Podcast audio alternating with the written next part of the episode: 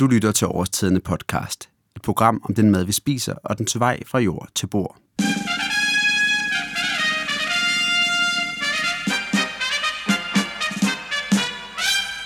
Efteråret har for alvor meldt sin ankomst, men efterår er ikke kun ens betydende med regn, kulde og mørke. Efteråret er også lige med citrusfrugter, og den første frugt, der melder sin ankomst, er clementinen. Man skulle tro, at der ikke var så meget at sige om clementiner, men det er der. For clementinen er ikke bare en lille kedelig udgave af appelsinen.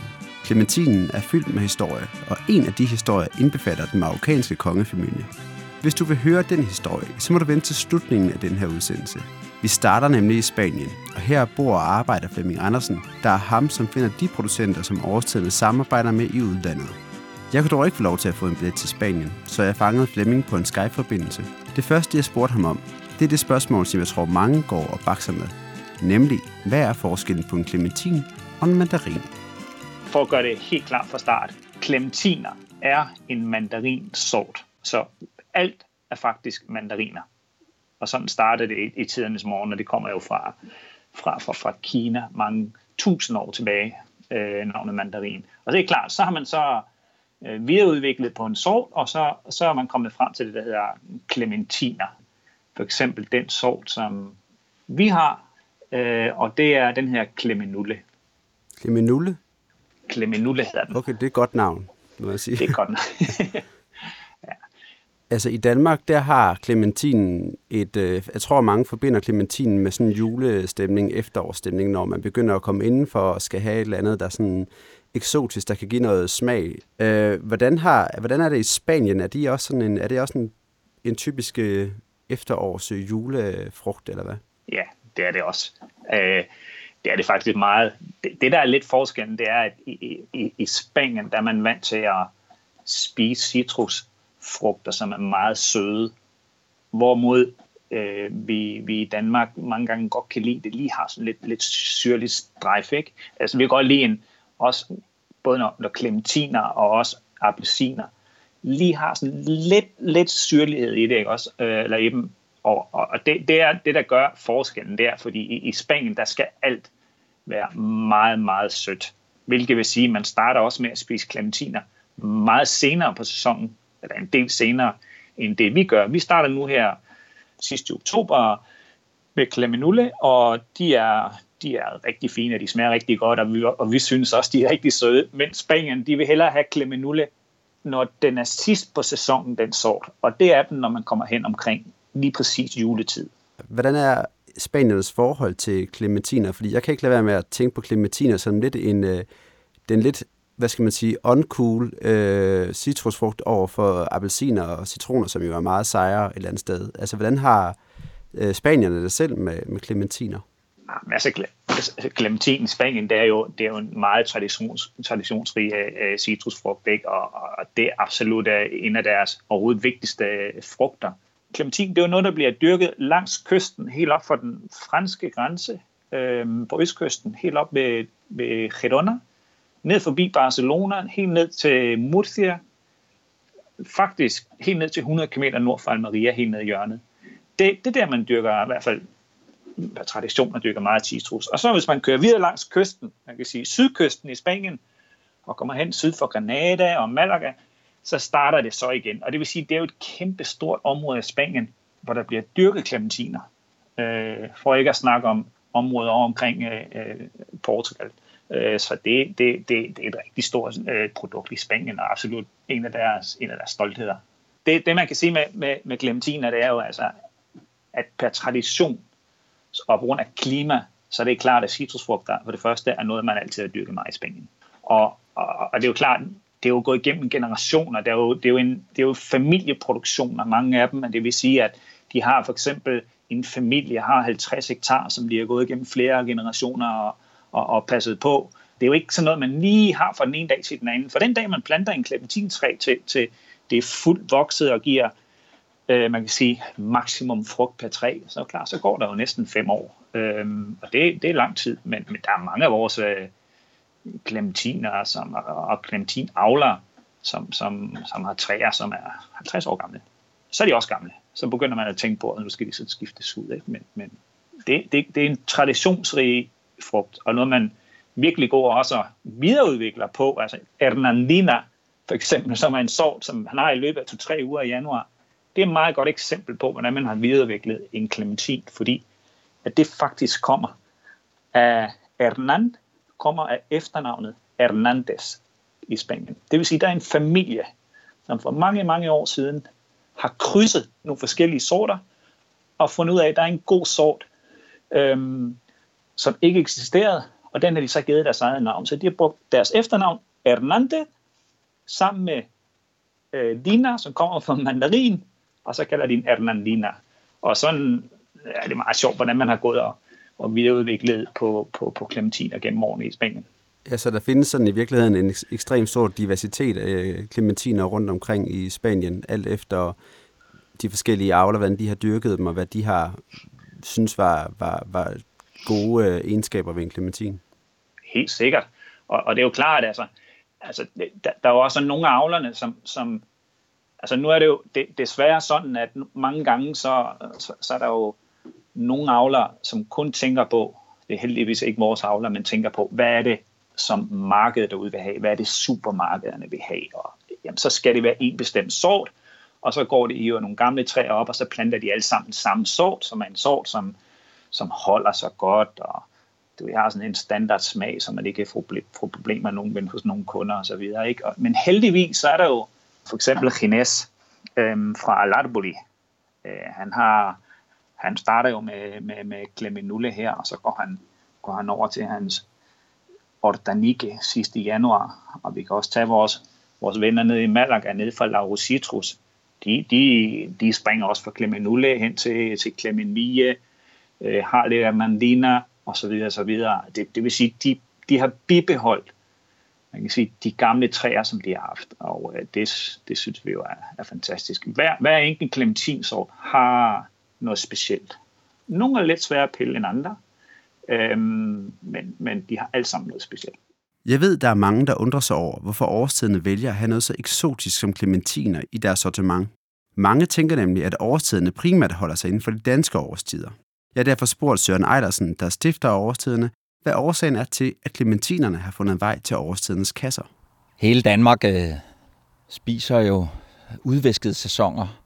Øh, jeg fortæller for de lokale varer, men, men det vil være, det vil nok være en løgn at, at, at sige, at jeg ikke også selv er, er fristet af at spise en, en clementin, når den kommer i sæson. Den europæiske sæson, det er jo på en eller anden måde stadigvæk også en del af vores rækkevidde. Øh, og mange siger, at det er en klimasøn at fragte clementiner hjem. Øhm, og det, det er det på en måde, men alligevel ikke, fordi øh, hvis vi kigger på de æbler, som så opbevares i et kølerum i Danmark, så går der faktisk ikke ret mange uger fra nu, før at øh, det klimaregnskab fuldstændig er identisk. Øh, vi bruger energi på at køle æblerne ned. Så jeg synes godt, vi må lade os, lade os friste af en, en fantastisk spansk clementin, når den kommer i sæson, og, og lade den være en, en slags øh, krydderi på vores hverdagskøkken. Så selvom man transporterer en clementin hele vejen fra måske Sydspanien i en øh, lastbil op til Danmark eller lignende, så er den, hvis man ser på klimaregnskabet, er den ikke nødvendigvis mere forurenende end et, øh, et, et æble, der har ligget på køl i Danmark? Øh, sådan i, i, i overskrifter, øh, ja, så ligner det meget hinanden, og det er, det er i virkeligheden forsvindende lidt, hvad, hvad den klimabelastning er, kontra for eksempel at, at frembringe en, en bøf. Det er den animalske energi, vi sparer på. Vi kan sige, hvis vi bare sparede en lille smule på kødet, så havde vi sagtens klimamæssigt råd til at spise et par clementiner. Det ville kunne gå hånd i hånd og få et farverigt køkken på den måde. Med det på plads vender vi nu fokus mod den marokkanske kongefamilie. For som jeg lovede til at begynde med, så skal vi nu høre historien om, hvad den marokkanske kongefamilie har med clementiner at gøre. I 1970'erne beordrede den marokkanske konge Hassan II nemlig en mandarinsort udryddet, fordi pollen fra denne sort den var skyldig i, at den marokkanske kongefamilies clementinsort fik sten i sig. Og hvis der er noget, forbrugerne ikke vil have i deres clementiner, ja, så er det sten. Og det forstod kongen. For at bevare en kvalitet på den kongelige clementin, som var kongefamilien værdig, besluttede man at fælde alle de træer i Marokko, som bar den mandarinsort, som var skyld i, at den kongelige clementin fik sten i sig.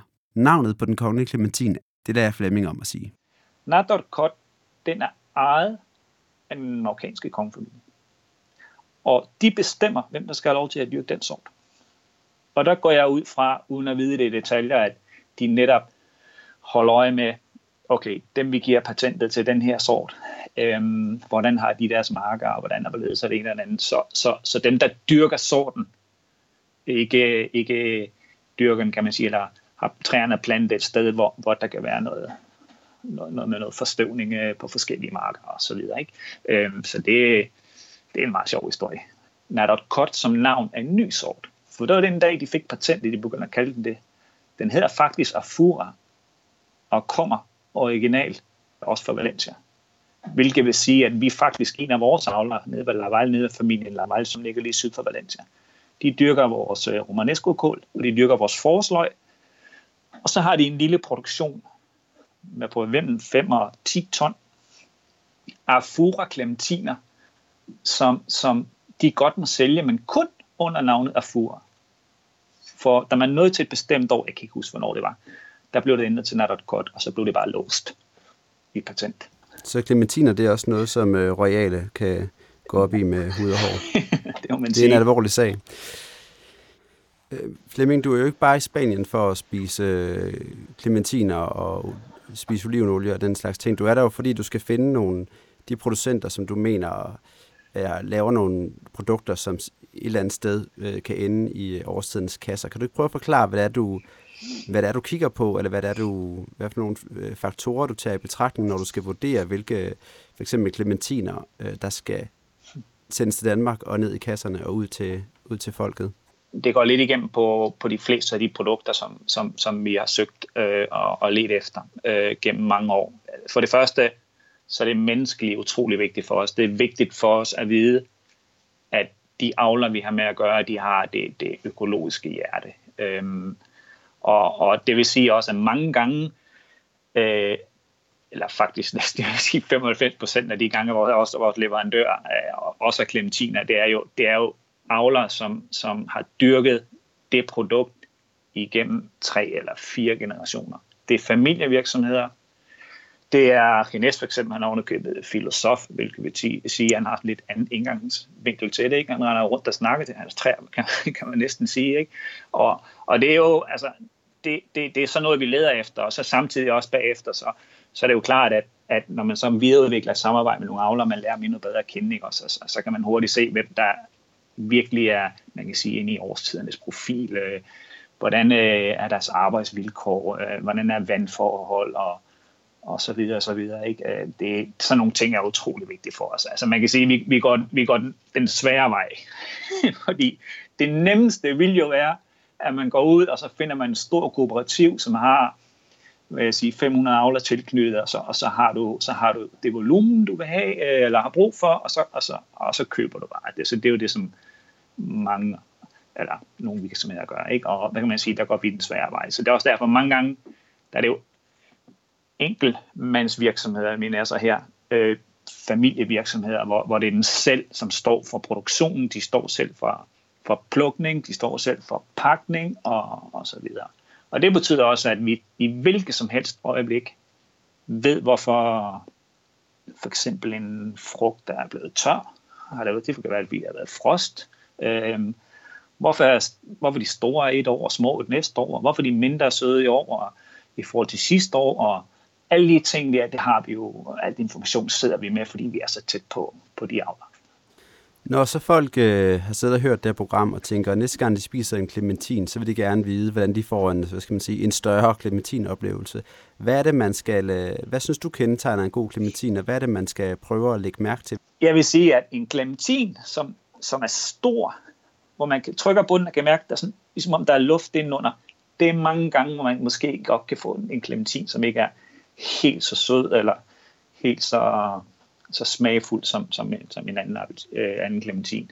Normalt er de sådan lidt mindre clementiner, som er bedst, og det er også dem, som vi normalt altid ligger i vores kasser. Så det der med, at de hårde ikke har det der luft, det, det er et godt kendetegn på en, på en god clementin, eller hvad?